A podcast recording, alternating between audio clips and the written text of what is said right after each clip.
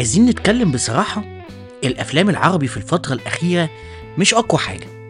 وبعيدا عن موسم عيد الفطر وعيد الأضحى الواحد مش بيبقى مستني أعمال قوية.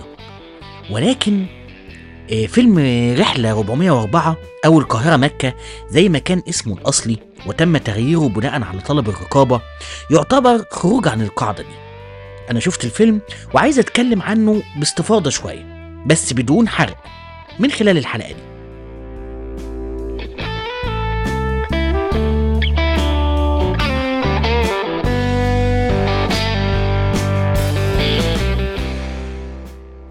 أنا محمد حمدي وده بودكاست ربع مشكل البودكاست اللي بيناقش مواضيع عن الفن والكتب والتكنولوجيا.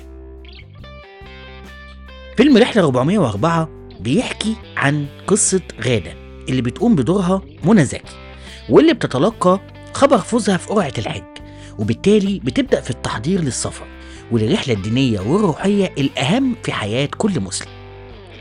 مع التجهيز للسفر بتبدأ تعقيدات في الظهور في حياة غادة وبنبدأ نكتشف مع استمرار الأحداث إن حياتها مش بالبساطة المعتادة وإنها كانت بتشتغل في أعمال نقدر نقول إنها منافية للآداب وإنها قررت إنها تتوب وتلبس الحجاب وإنها تسافر للحج علشان تتوب وتطهر من ماضيها الشائك.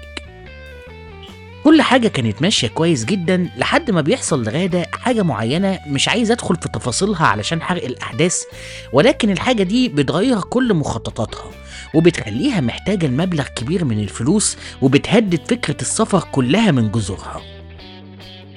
علشان تاخد الفلوس وتقضي الحاجة اللي هي عايزة تعملها غادة بتضطر إنها تدور في دفاترها القديمة وتسترجع علاقات كانت عايزة تقطعها وما ترجع لهاش تاني. ومن هنا بتبدأ رحلة الفيلم علشان نعرف كل حاجة عنها وعن شغلها وعن علاقاتها الإنسانية والاجتماعية في وسط صراعها للحصول على الفلوس في أسرع وقت ممكن. بنشوف من خلال الأحداث علاقة غادة بالست اللي كانت بتشغلها لما كانت بتشتغل شغلها القديم وبتقوم بالدور ده شيرين رضا. بنشوف كمان علاقتها بحبيبها السابق محمد ممدوح وجوزها السابق محمد فراج وأبوها اللي بيقوم بدوره حسن العدل وأمها عارفة عبد الرسول وحتى أختها وغيرها من الناس.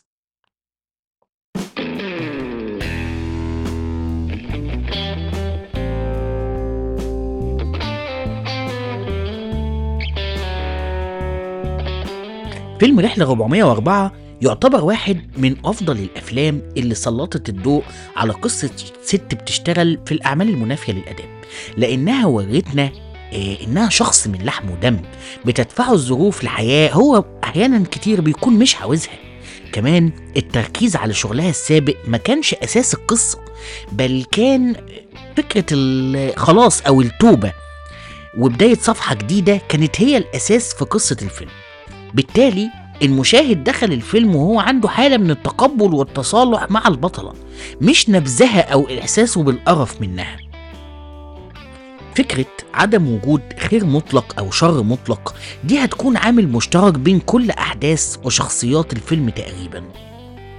يعني كل شخصية بتظهر في الأحداث ما تقدرش تحبها بجنون أو تكرهها بتعصب.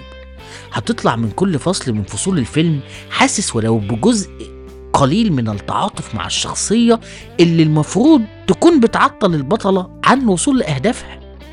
حتى لو مش حاسس بتعاطف بالمعنى الحرفي للكلمة على الأقل هتكون حاسس بتفهم لمنطق الشخصية دي وطريقة تفكيرها ودوافعها ودي حاجة تحسب للفيلم جدا. حتى غادة نفسها أو منى زكي هي مش إنسانة بتمثل الخير والتوبة والتصالح طول الوقت. السيناريو هيحطها في مواقف هتخليك كمشاهد تلعنها وتعترض على الطريقة اللي هي بتتصرف فيها أو هتحس حتى إن هي عن قلبها جامد بزيادة. ويمكن أكتر تعبير عن النقطة اللي أنا بتكلم عنها دي هو المشهد اللي بتقول فيه آه، غادة أو منى زكي أنا كنت طالعة حج بس مش ثابتة. شخصية غادة زي أي حد في الحياة ماشي على سطر صح وسطر غلط. بيحاول طول الوقت يعمل الصح ولكن في أحيان كتير بيقع في الغلط. وهو بقى ده تأثير الشيطان. شخصية الشيطان من وجهة نظري كانت متمثلة في الدور اللي قام بيه الفنان محمد علاء. السيناريو حطه طول الوقت في خانة الشخصية اللي بتوسوس لغادة إنها تسيب طريقها الجديد النظيف وترجع للمستنقع اللي جاية منه.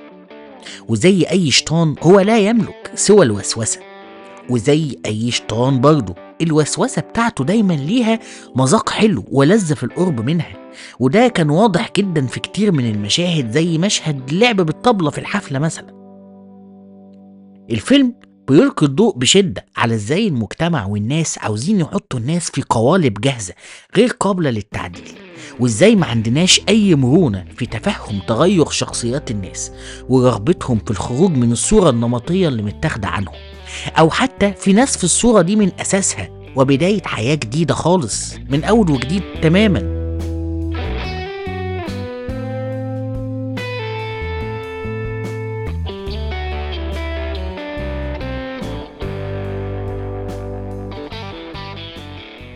لما نتكلم عن عمل بالعمق ده يبقى بنتكلم عن مؤلف وسيناريست تقيل بحجم محمد رجاء واللي يذاكر شغله كويس يعرف إنه متمكن قوي من حتة التأرجح بين الخير والشر دي.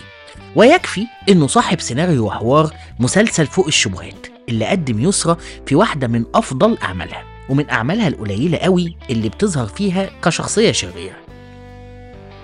وعلشان رجاء يطلع أحسن ما عنده بينسجم دايما مع إخراج هاني خليفة. مش عايزين ننسى إن هاني خليفة هو برضه مخرج مسلسل فوق مستوى الشبهات.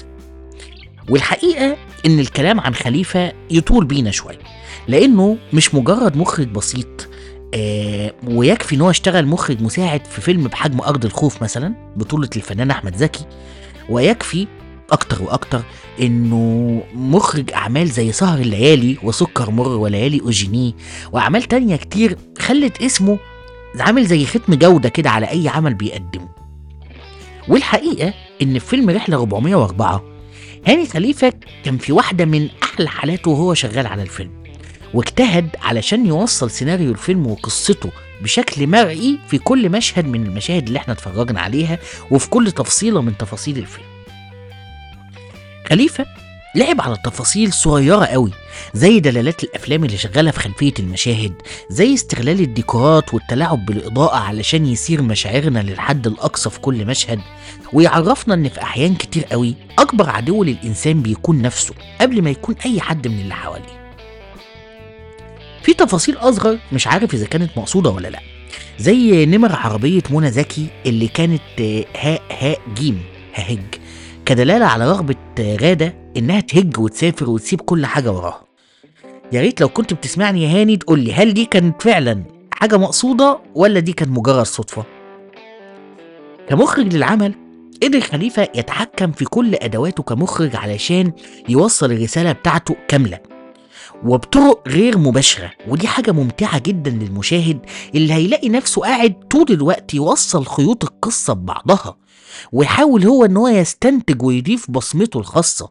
مش إن الاستنتاجات تترماله كده كحقيقة كاملة بدون ما يتعب ويبذل مجهود فيها.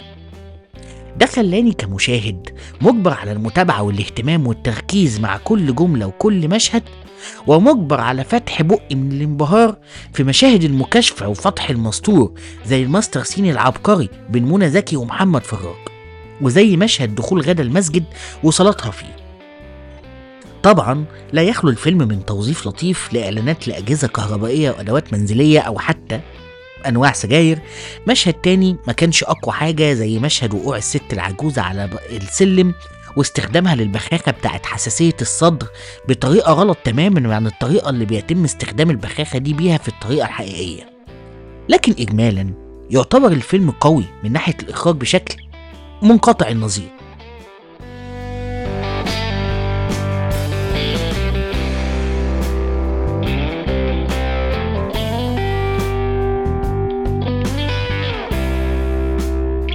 نيجي بقى لواحدة من أحلى الحاجات في الفيلم ده الأداء التمثيلي. منى زكي بتقدم واحدة من أحلى أدوارها. والحقيقة إن منى بقالها فترة واصلة لمرحلة سلطنة في الأداء وتركيز على شخصيات مش معتمدة على معايير الجمال المتفق عليها بالمقام الأول زي دورها في مسلسل تحت الوصاية مثلا. منى زكي عرفت تمسك الشخصية بحرفنة بدون ما تعلي الأداء بحيث تبقى مفتعلة أو تقلل التون خالص فتبقى هادية بزيادة وباردة. أنا بصراحة معجب جدا باختياراتها وبطريقة أدو... أدائها لأدوارها في الفترة الأخيرة.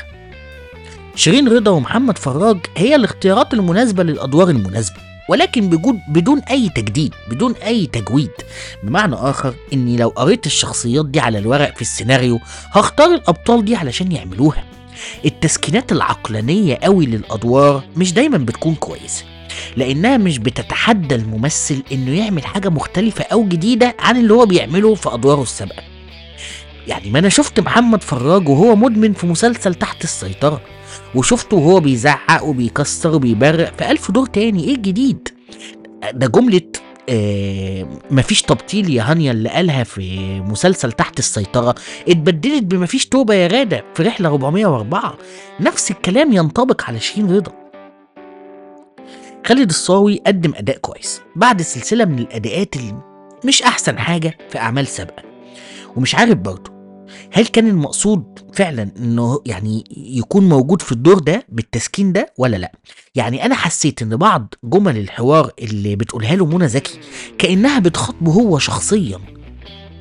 على العموم يعني الواحد يشتاق إن لعيب جامد ومحترف بحجم خالد الصاوي يرجع ينزل الملعب بكامل لياقته ويورينا الحرفنة اللي بجد.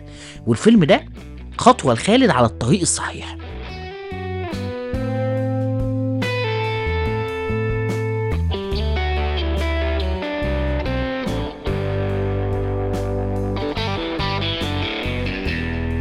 فيلم رحلة 404 أو القاهرة مكة زي ما كان اسمه وبعد كده اتغير مثال حي على إن الفيلم مهما تعرض لعقبات أثناء مراحل تنفيذه لو كانت فكرته حلوة والناس اللي شغالين عليه محترفين بجد وعارفين هما بيعملوا إيه النتيجة دايما هتكون كويسة وقوية.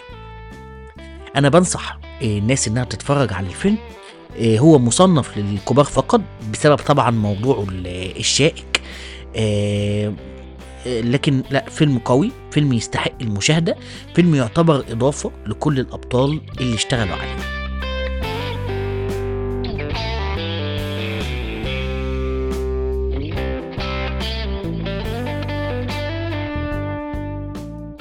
وبكده نكون وصلنا لنهاية حلقتنا ونهاية مراجعتنا لفيلم رحلة 404 أتمنى إنها تكون عجبتكم. لو عجبتكم الحلقة تقدروا إن أنتوا تشتركوا في صفحات البرنامج على مواقع التواصل الاجتماعي و group تليجرام و group على الواتساب وعندنا شوية حاجات كده هحطها لكم في ال description. وتابعوني علشان اللي جاي أقوى.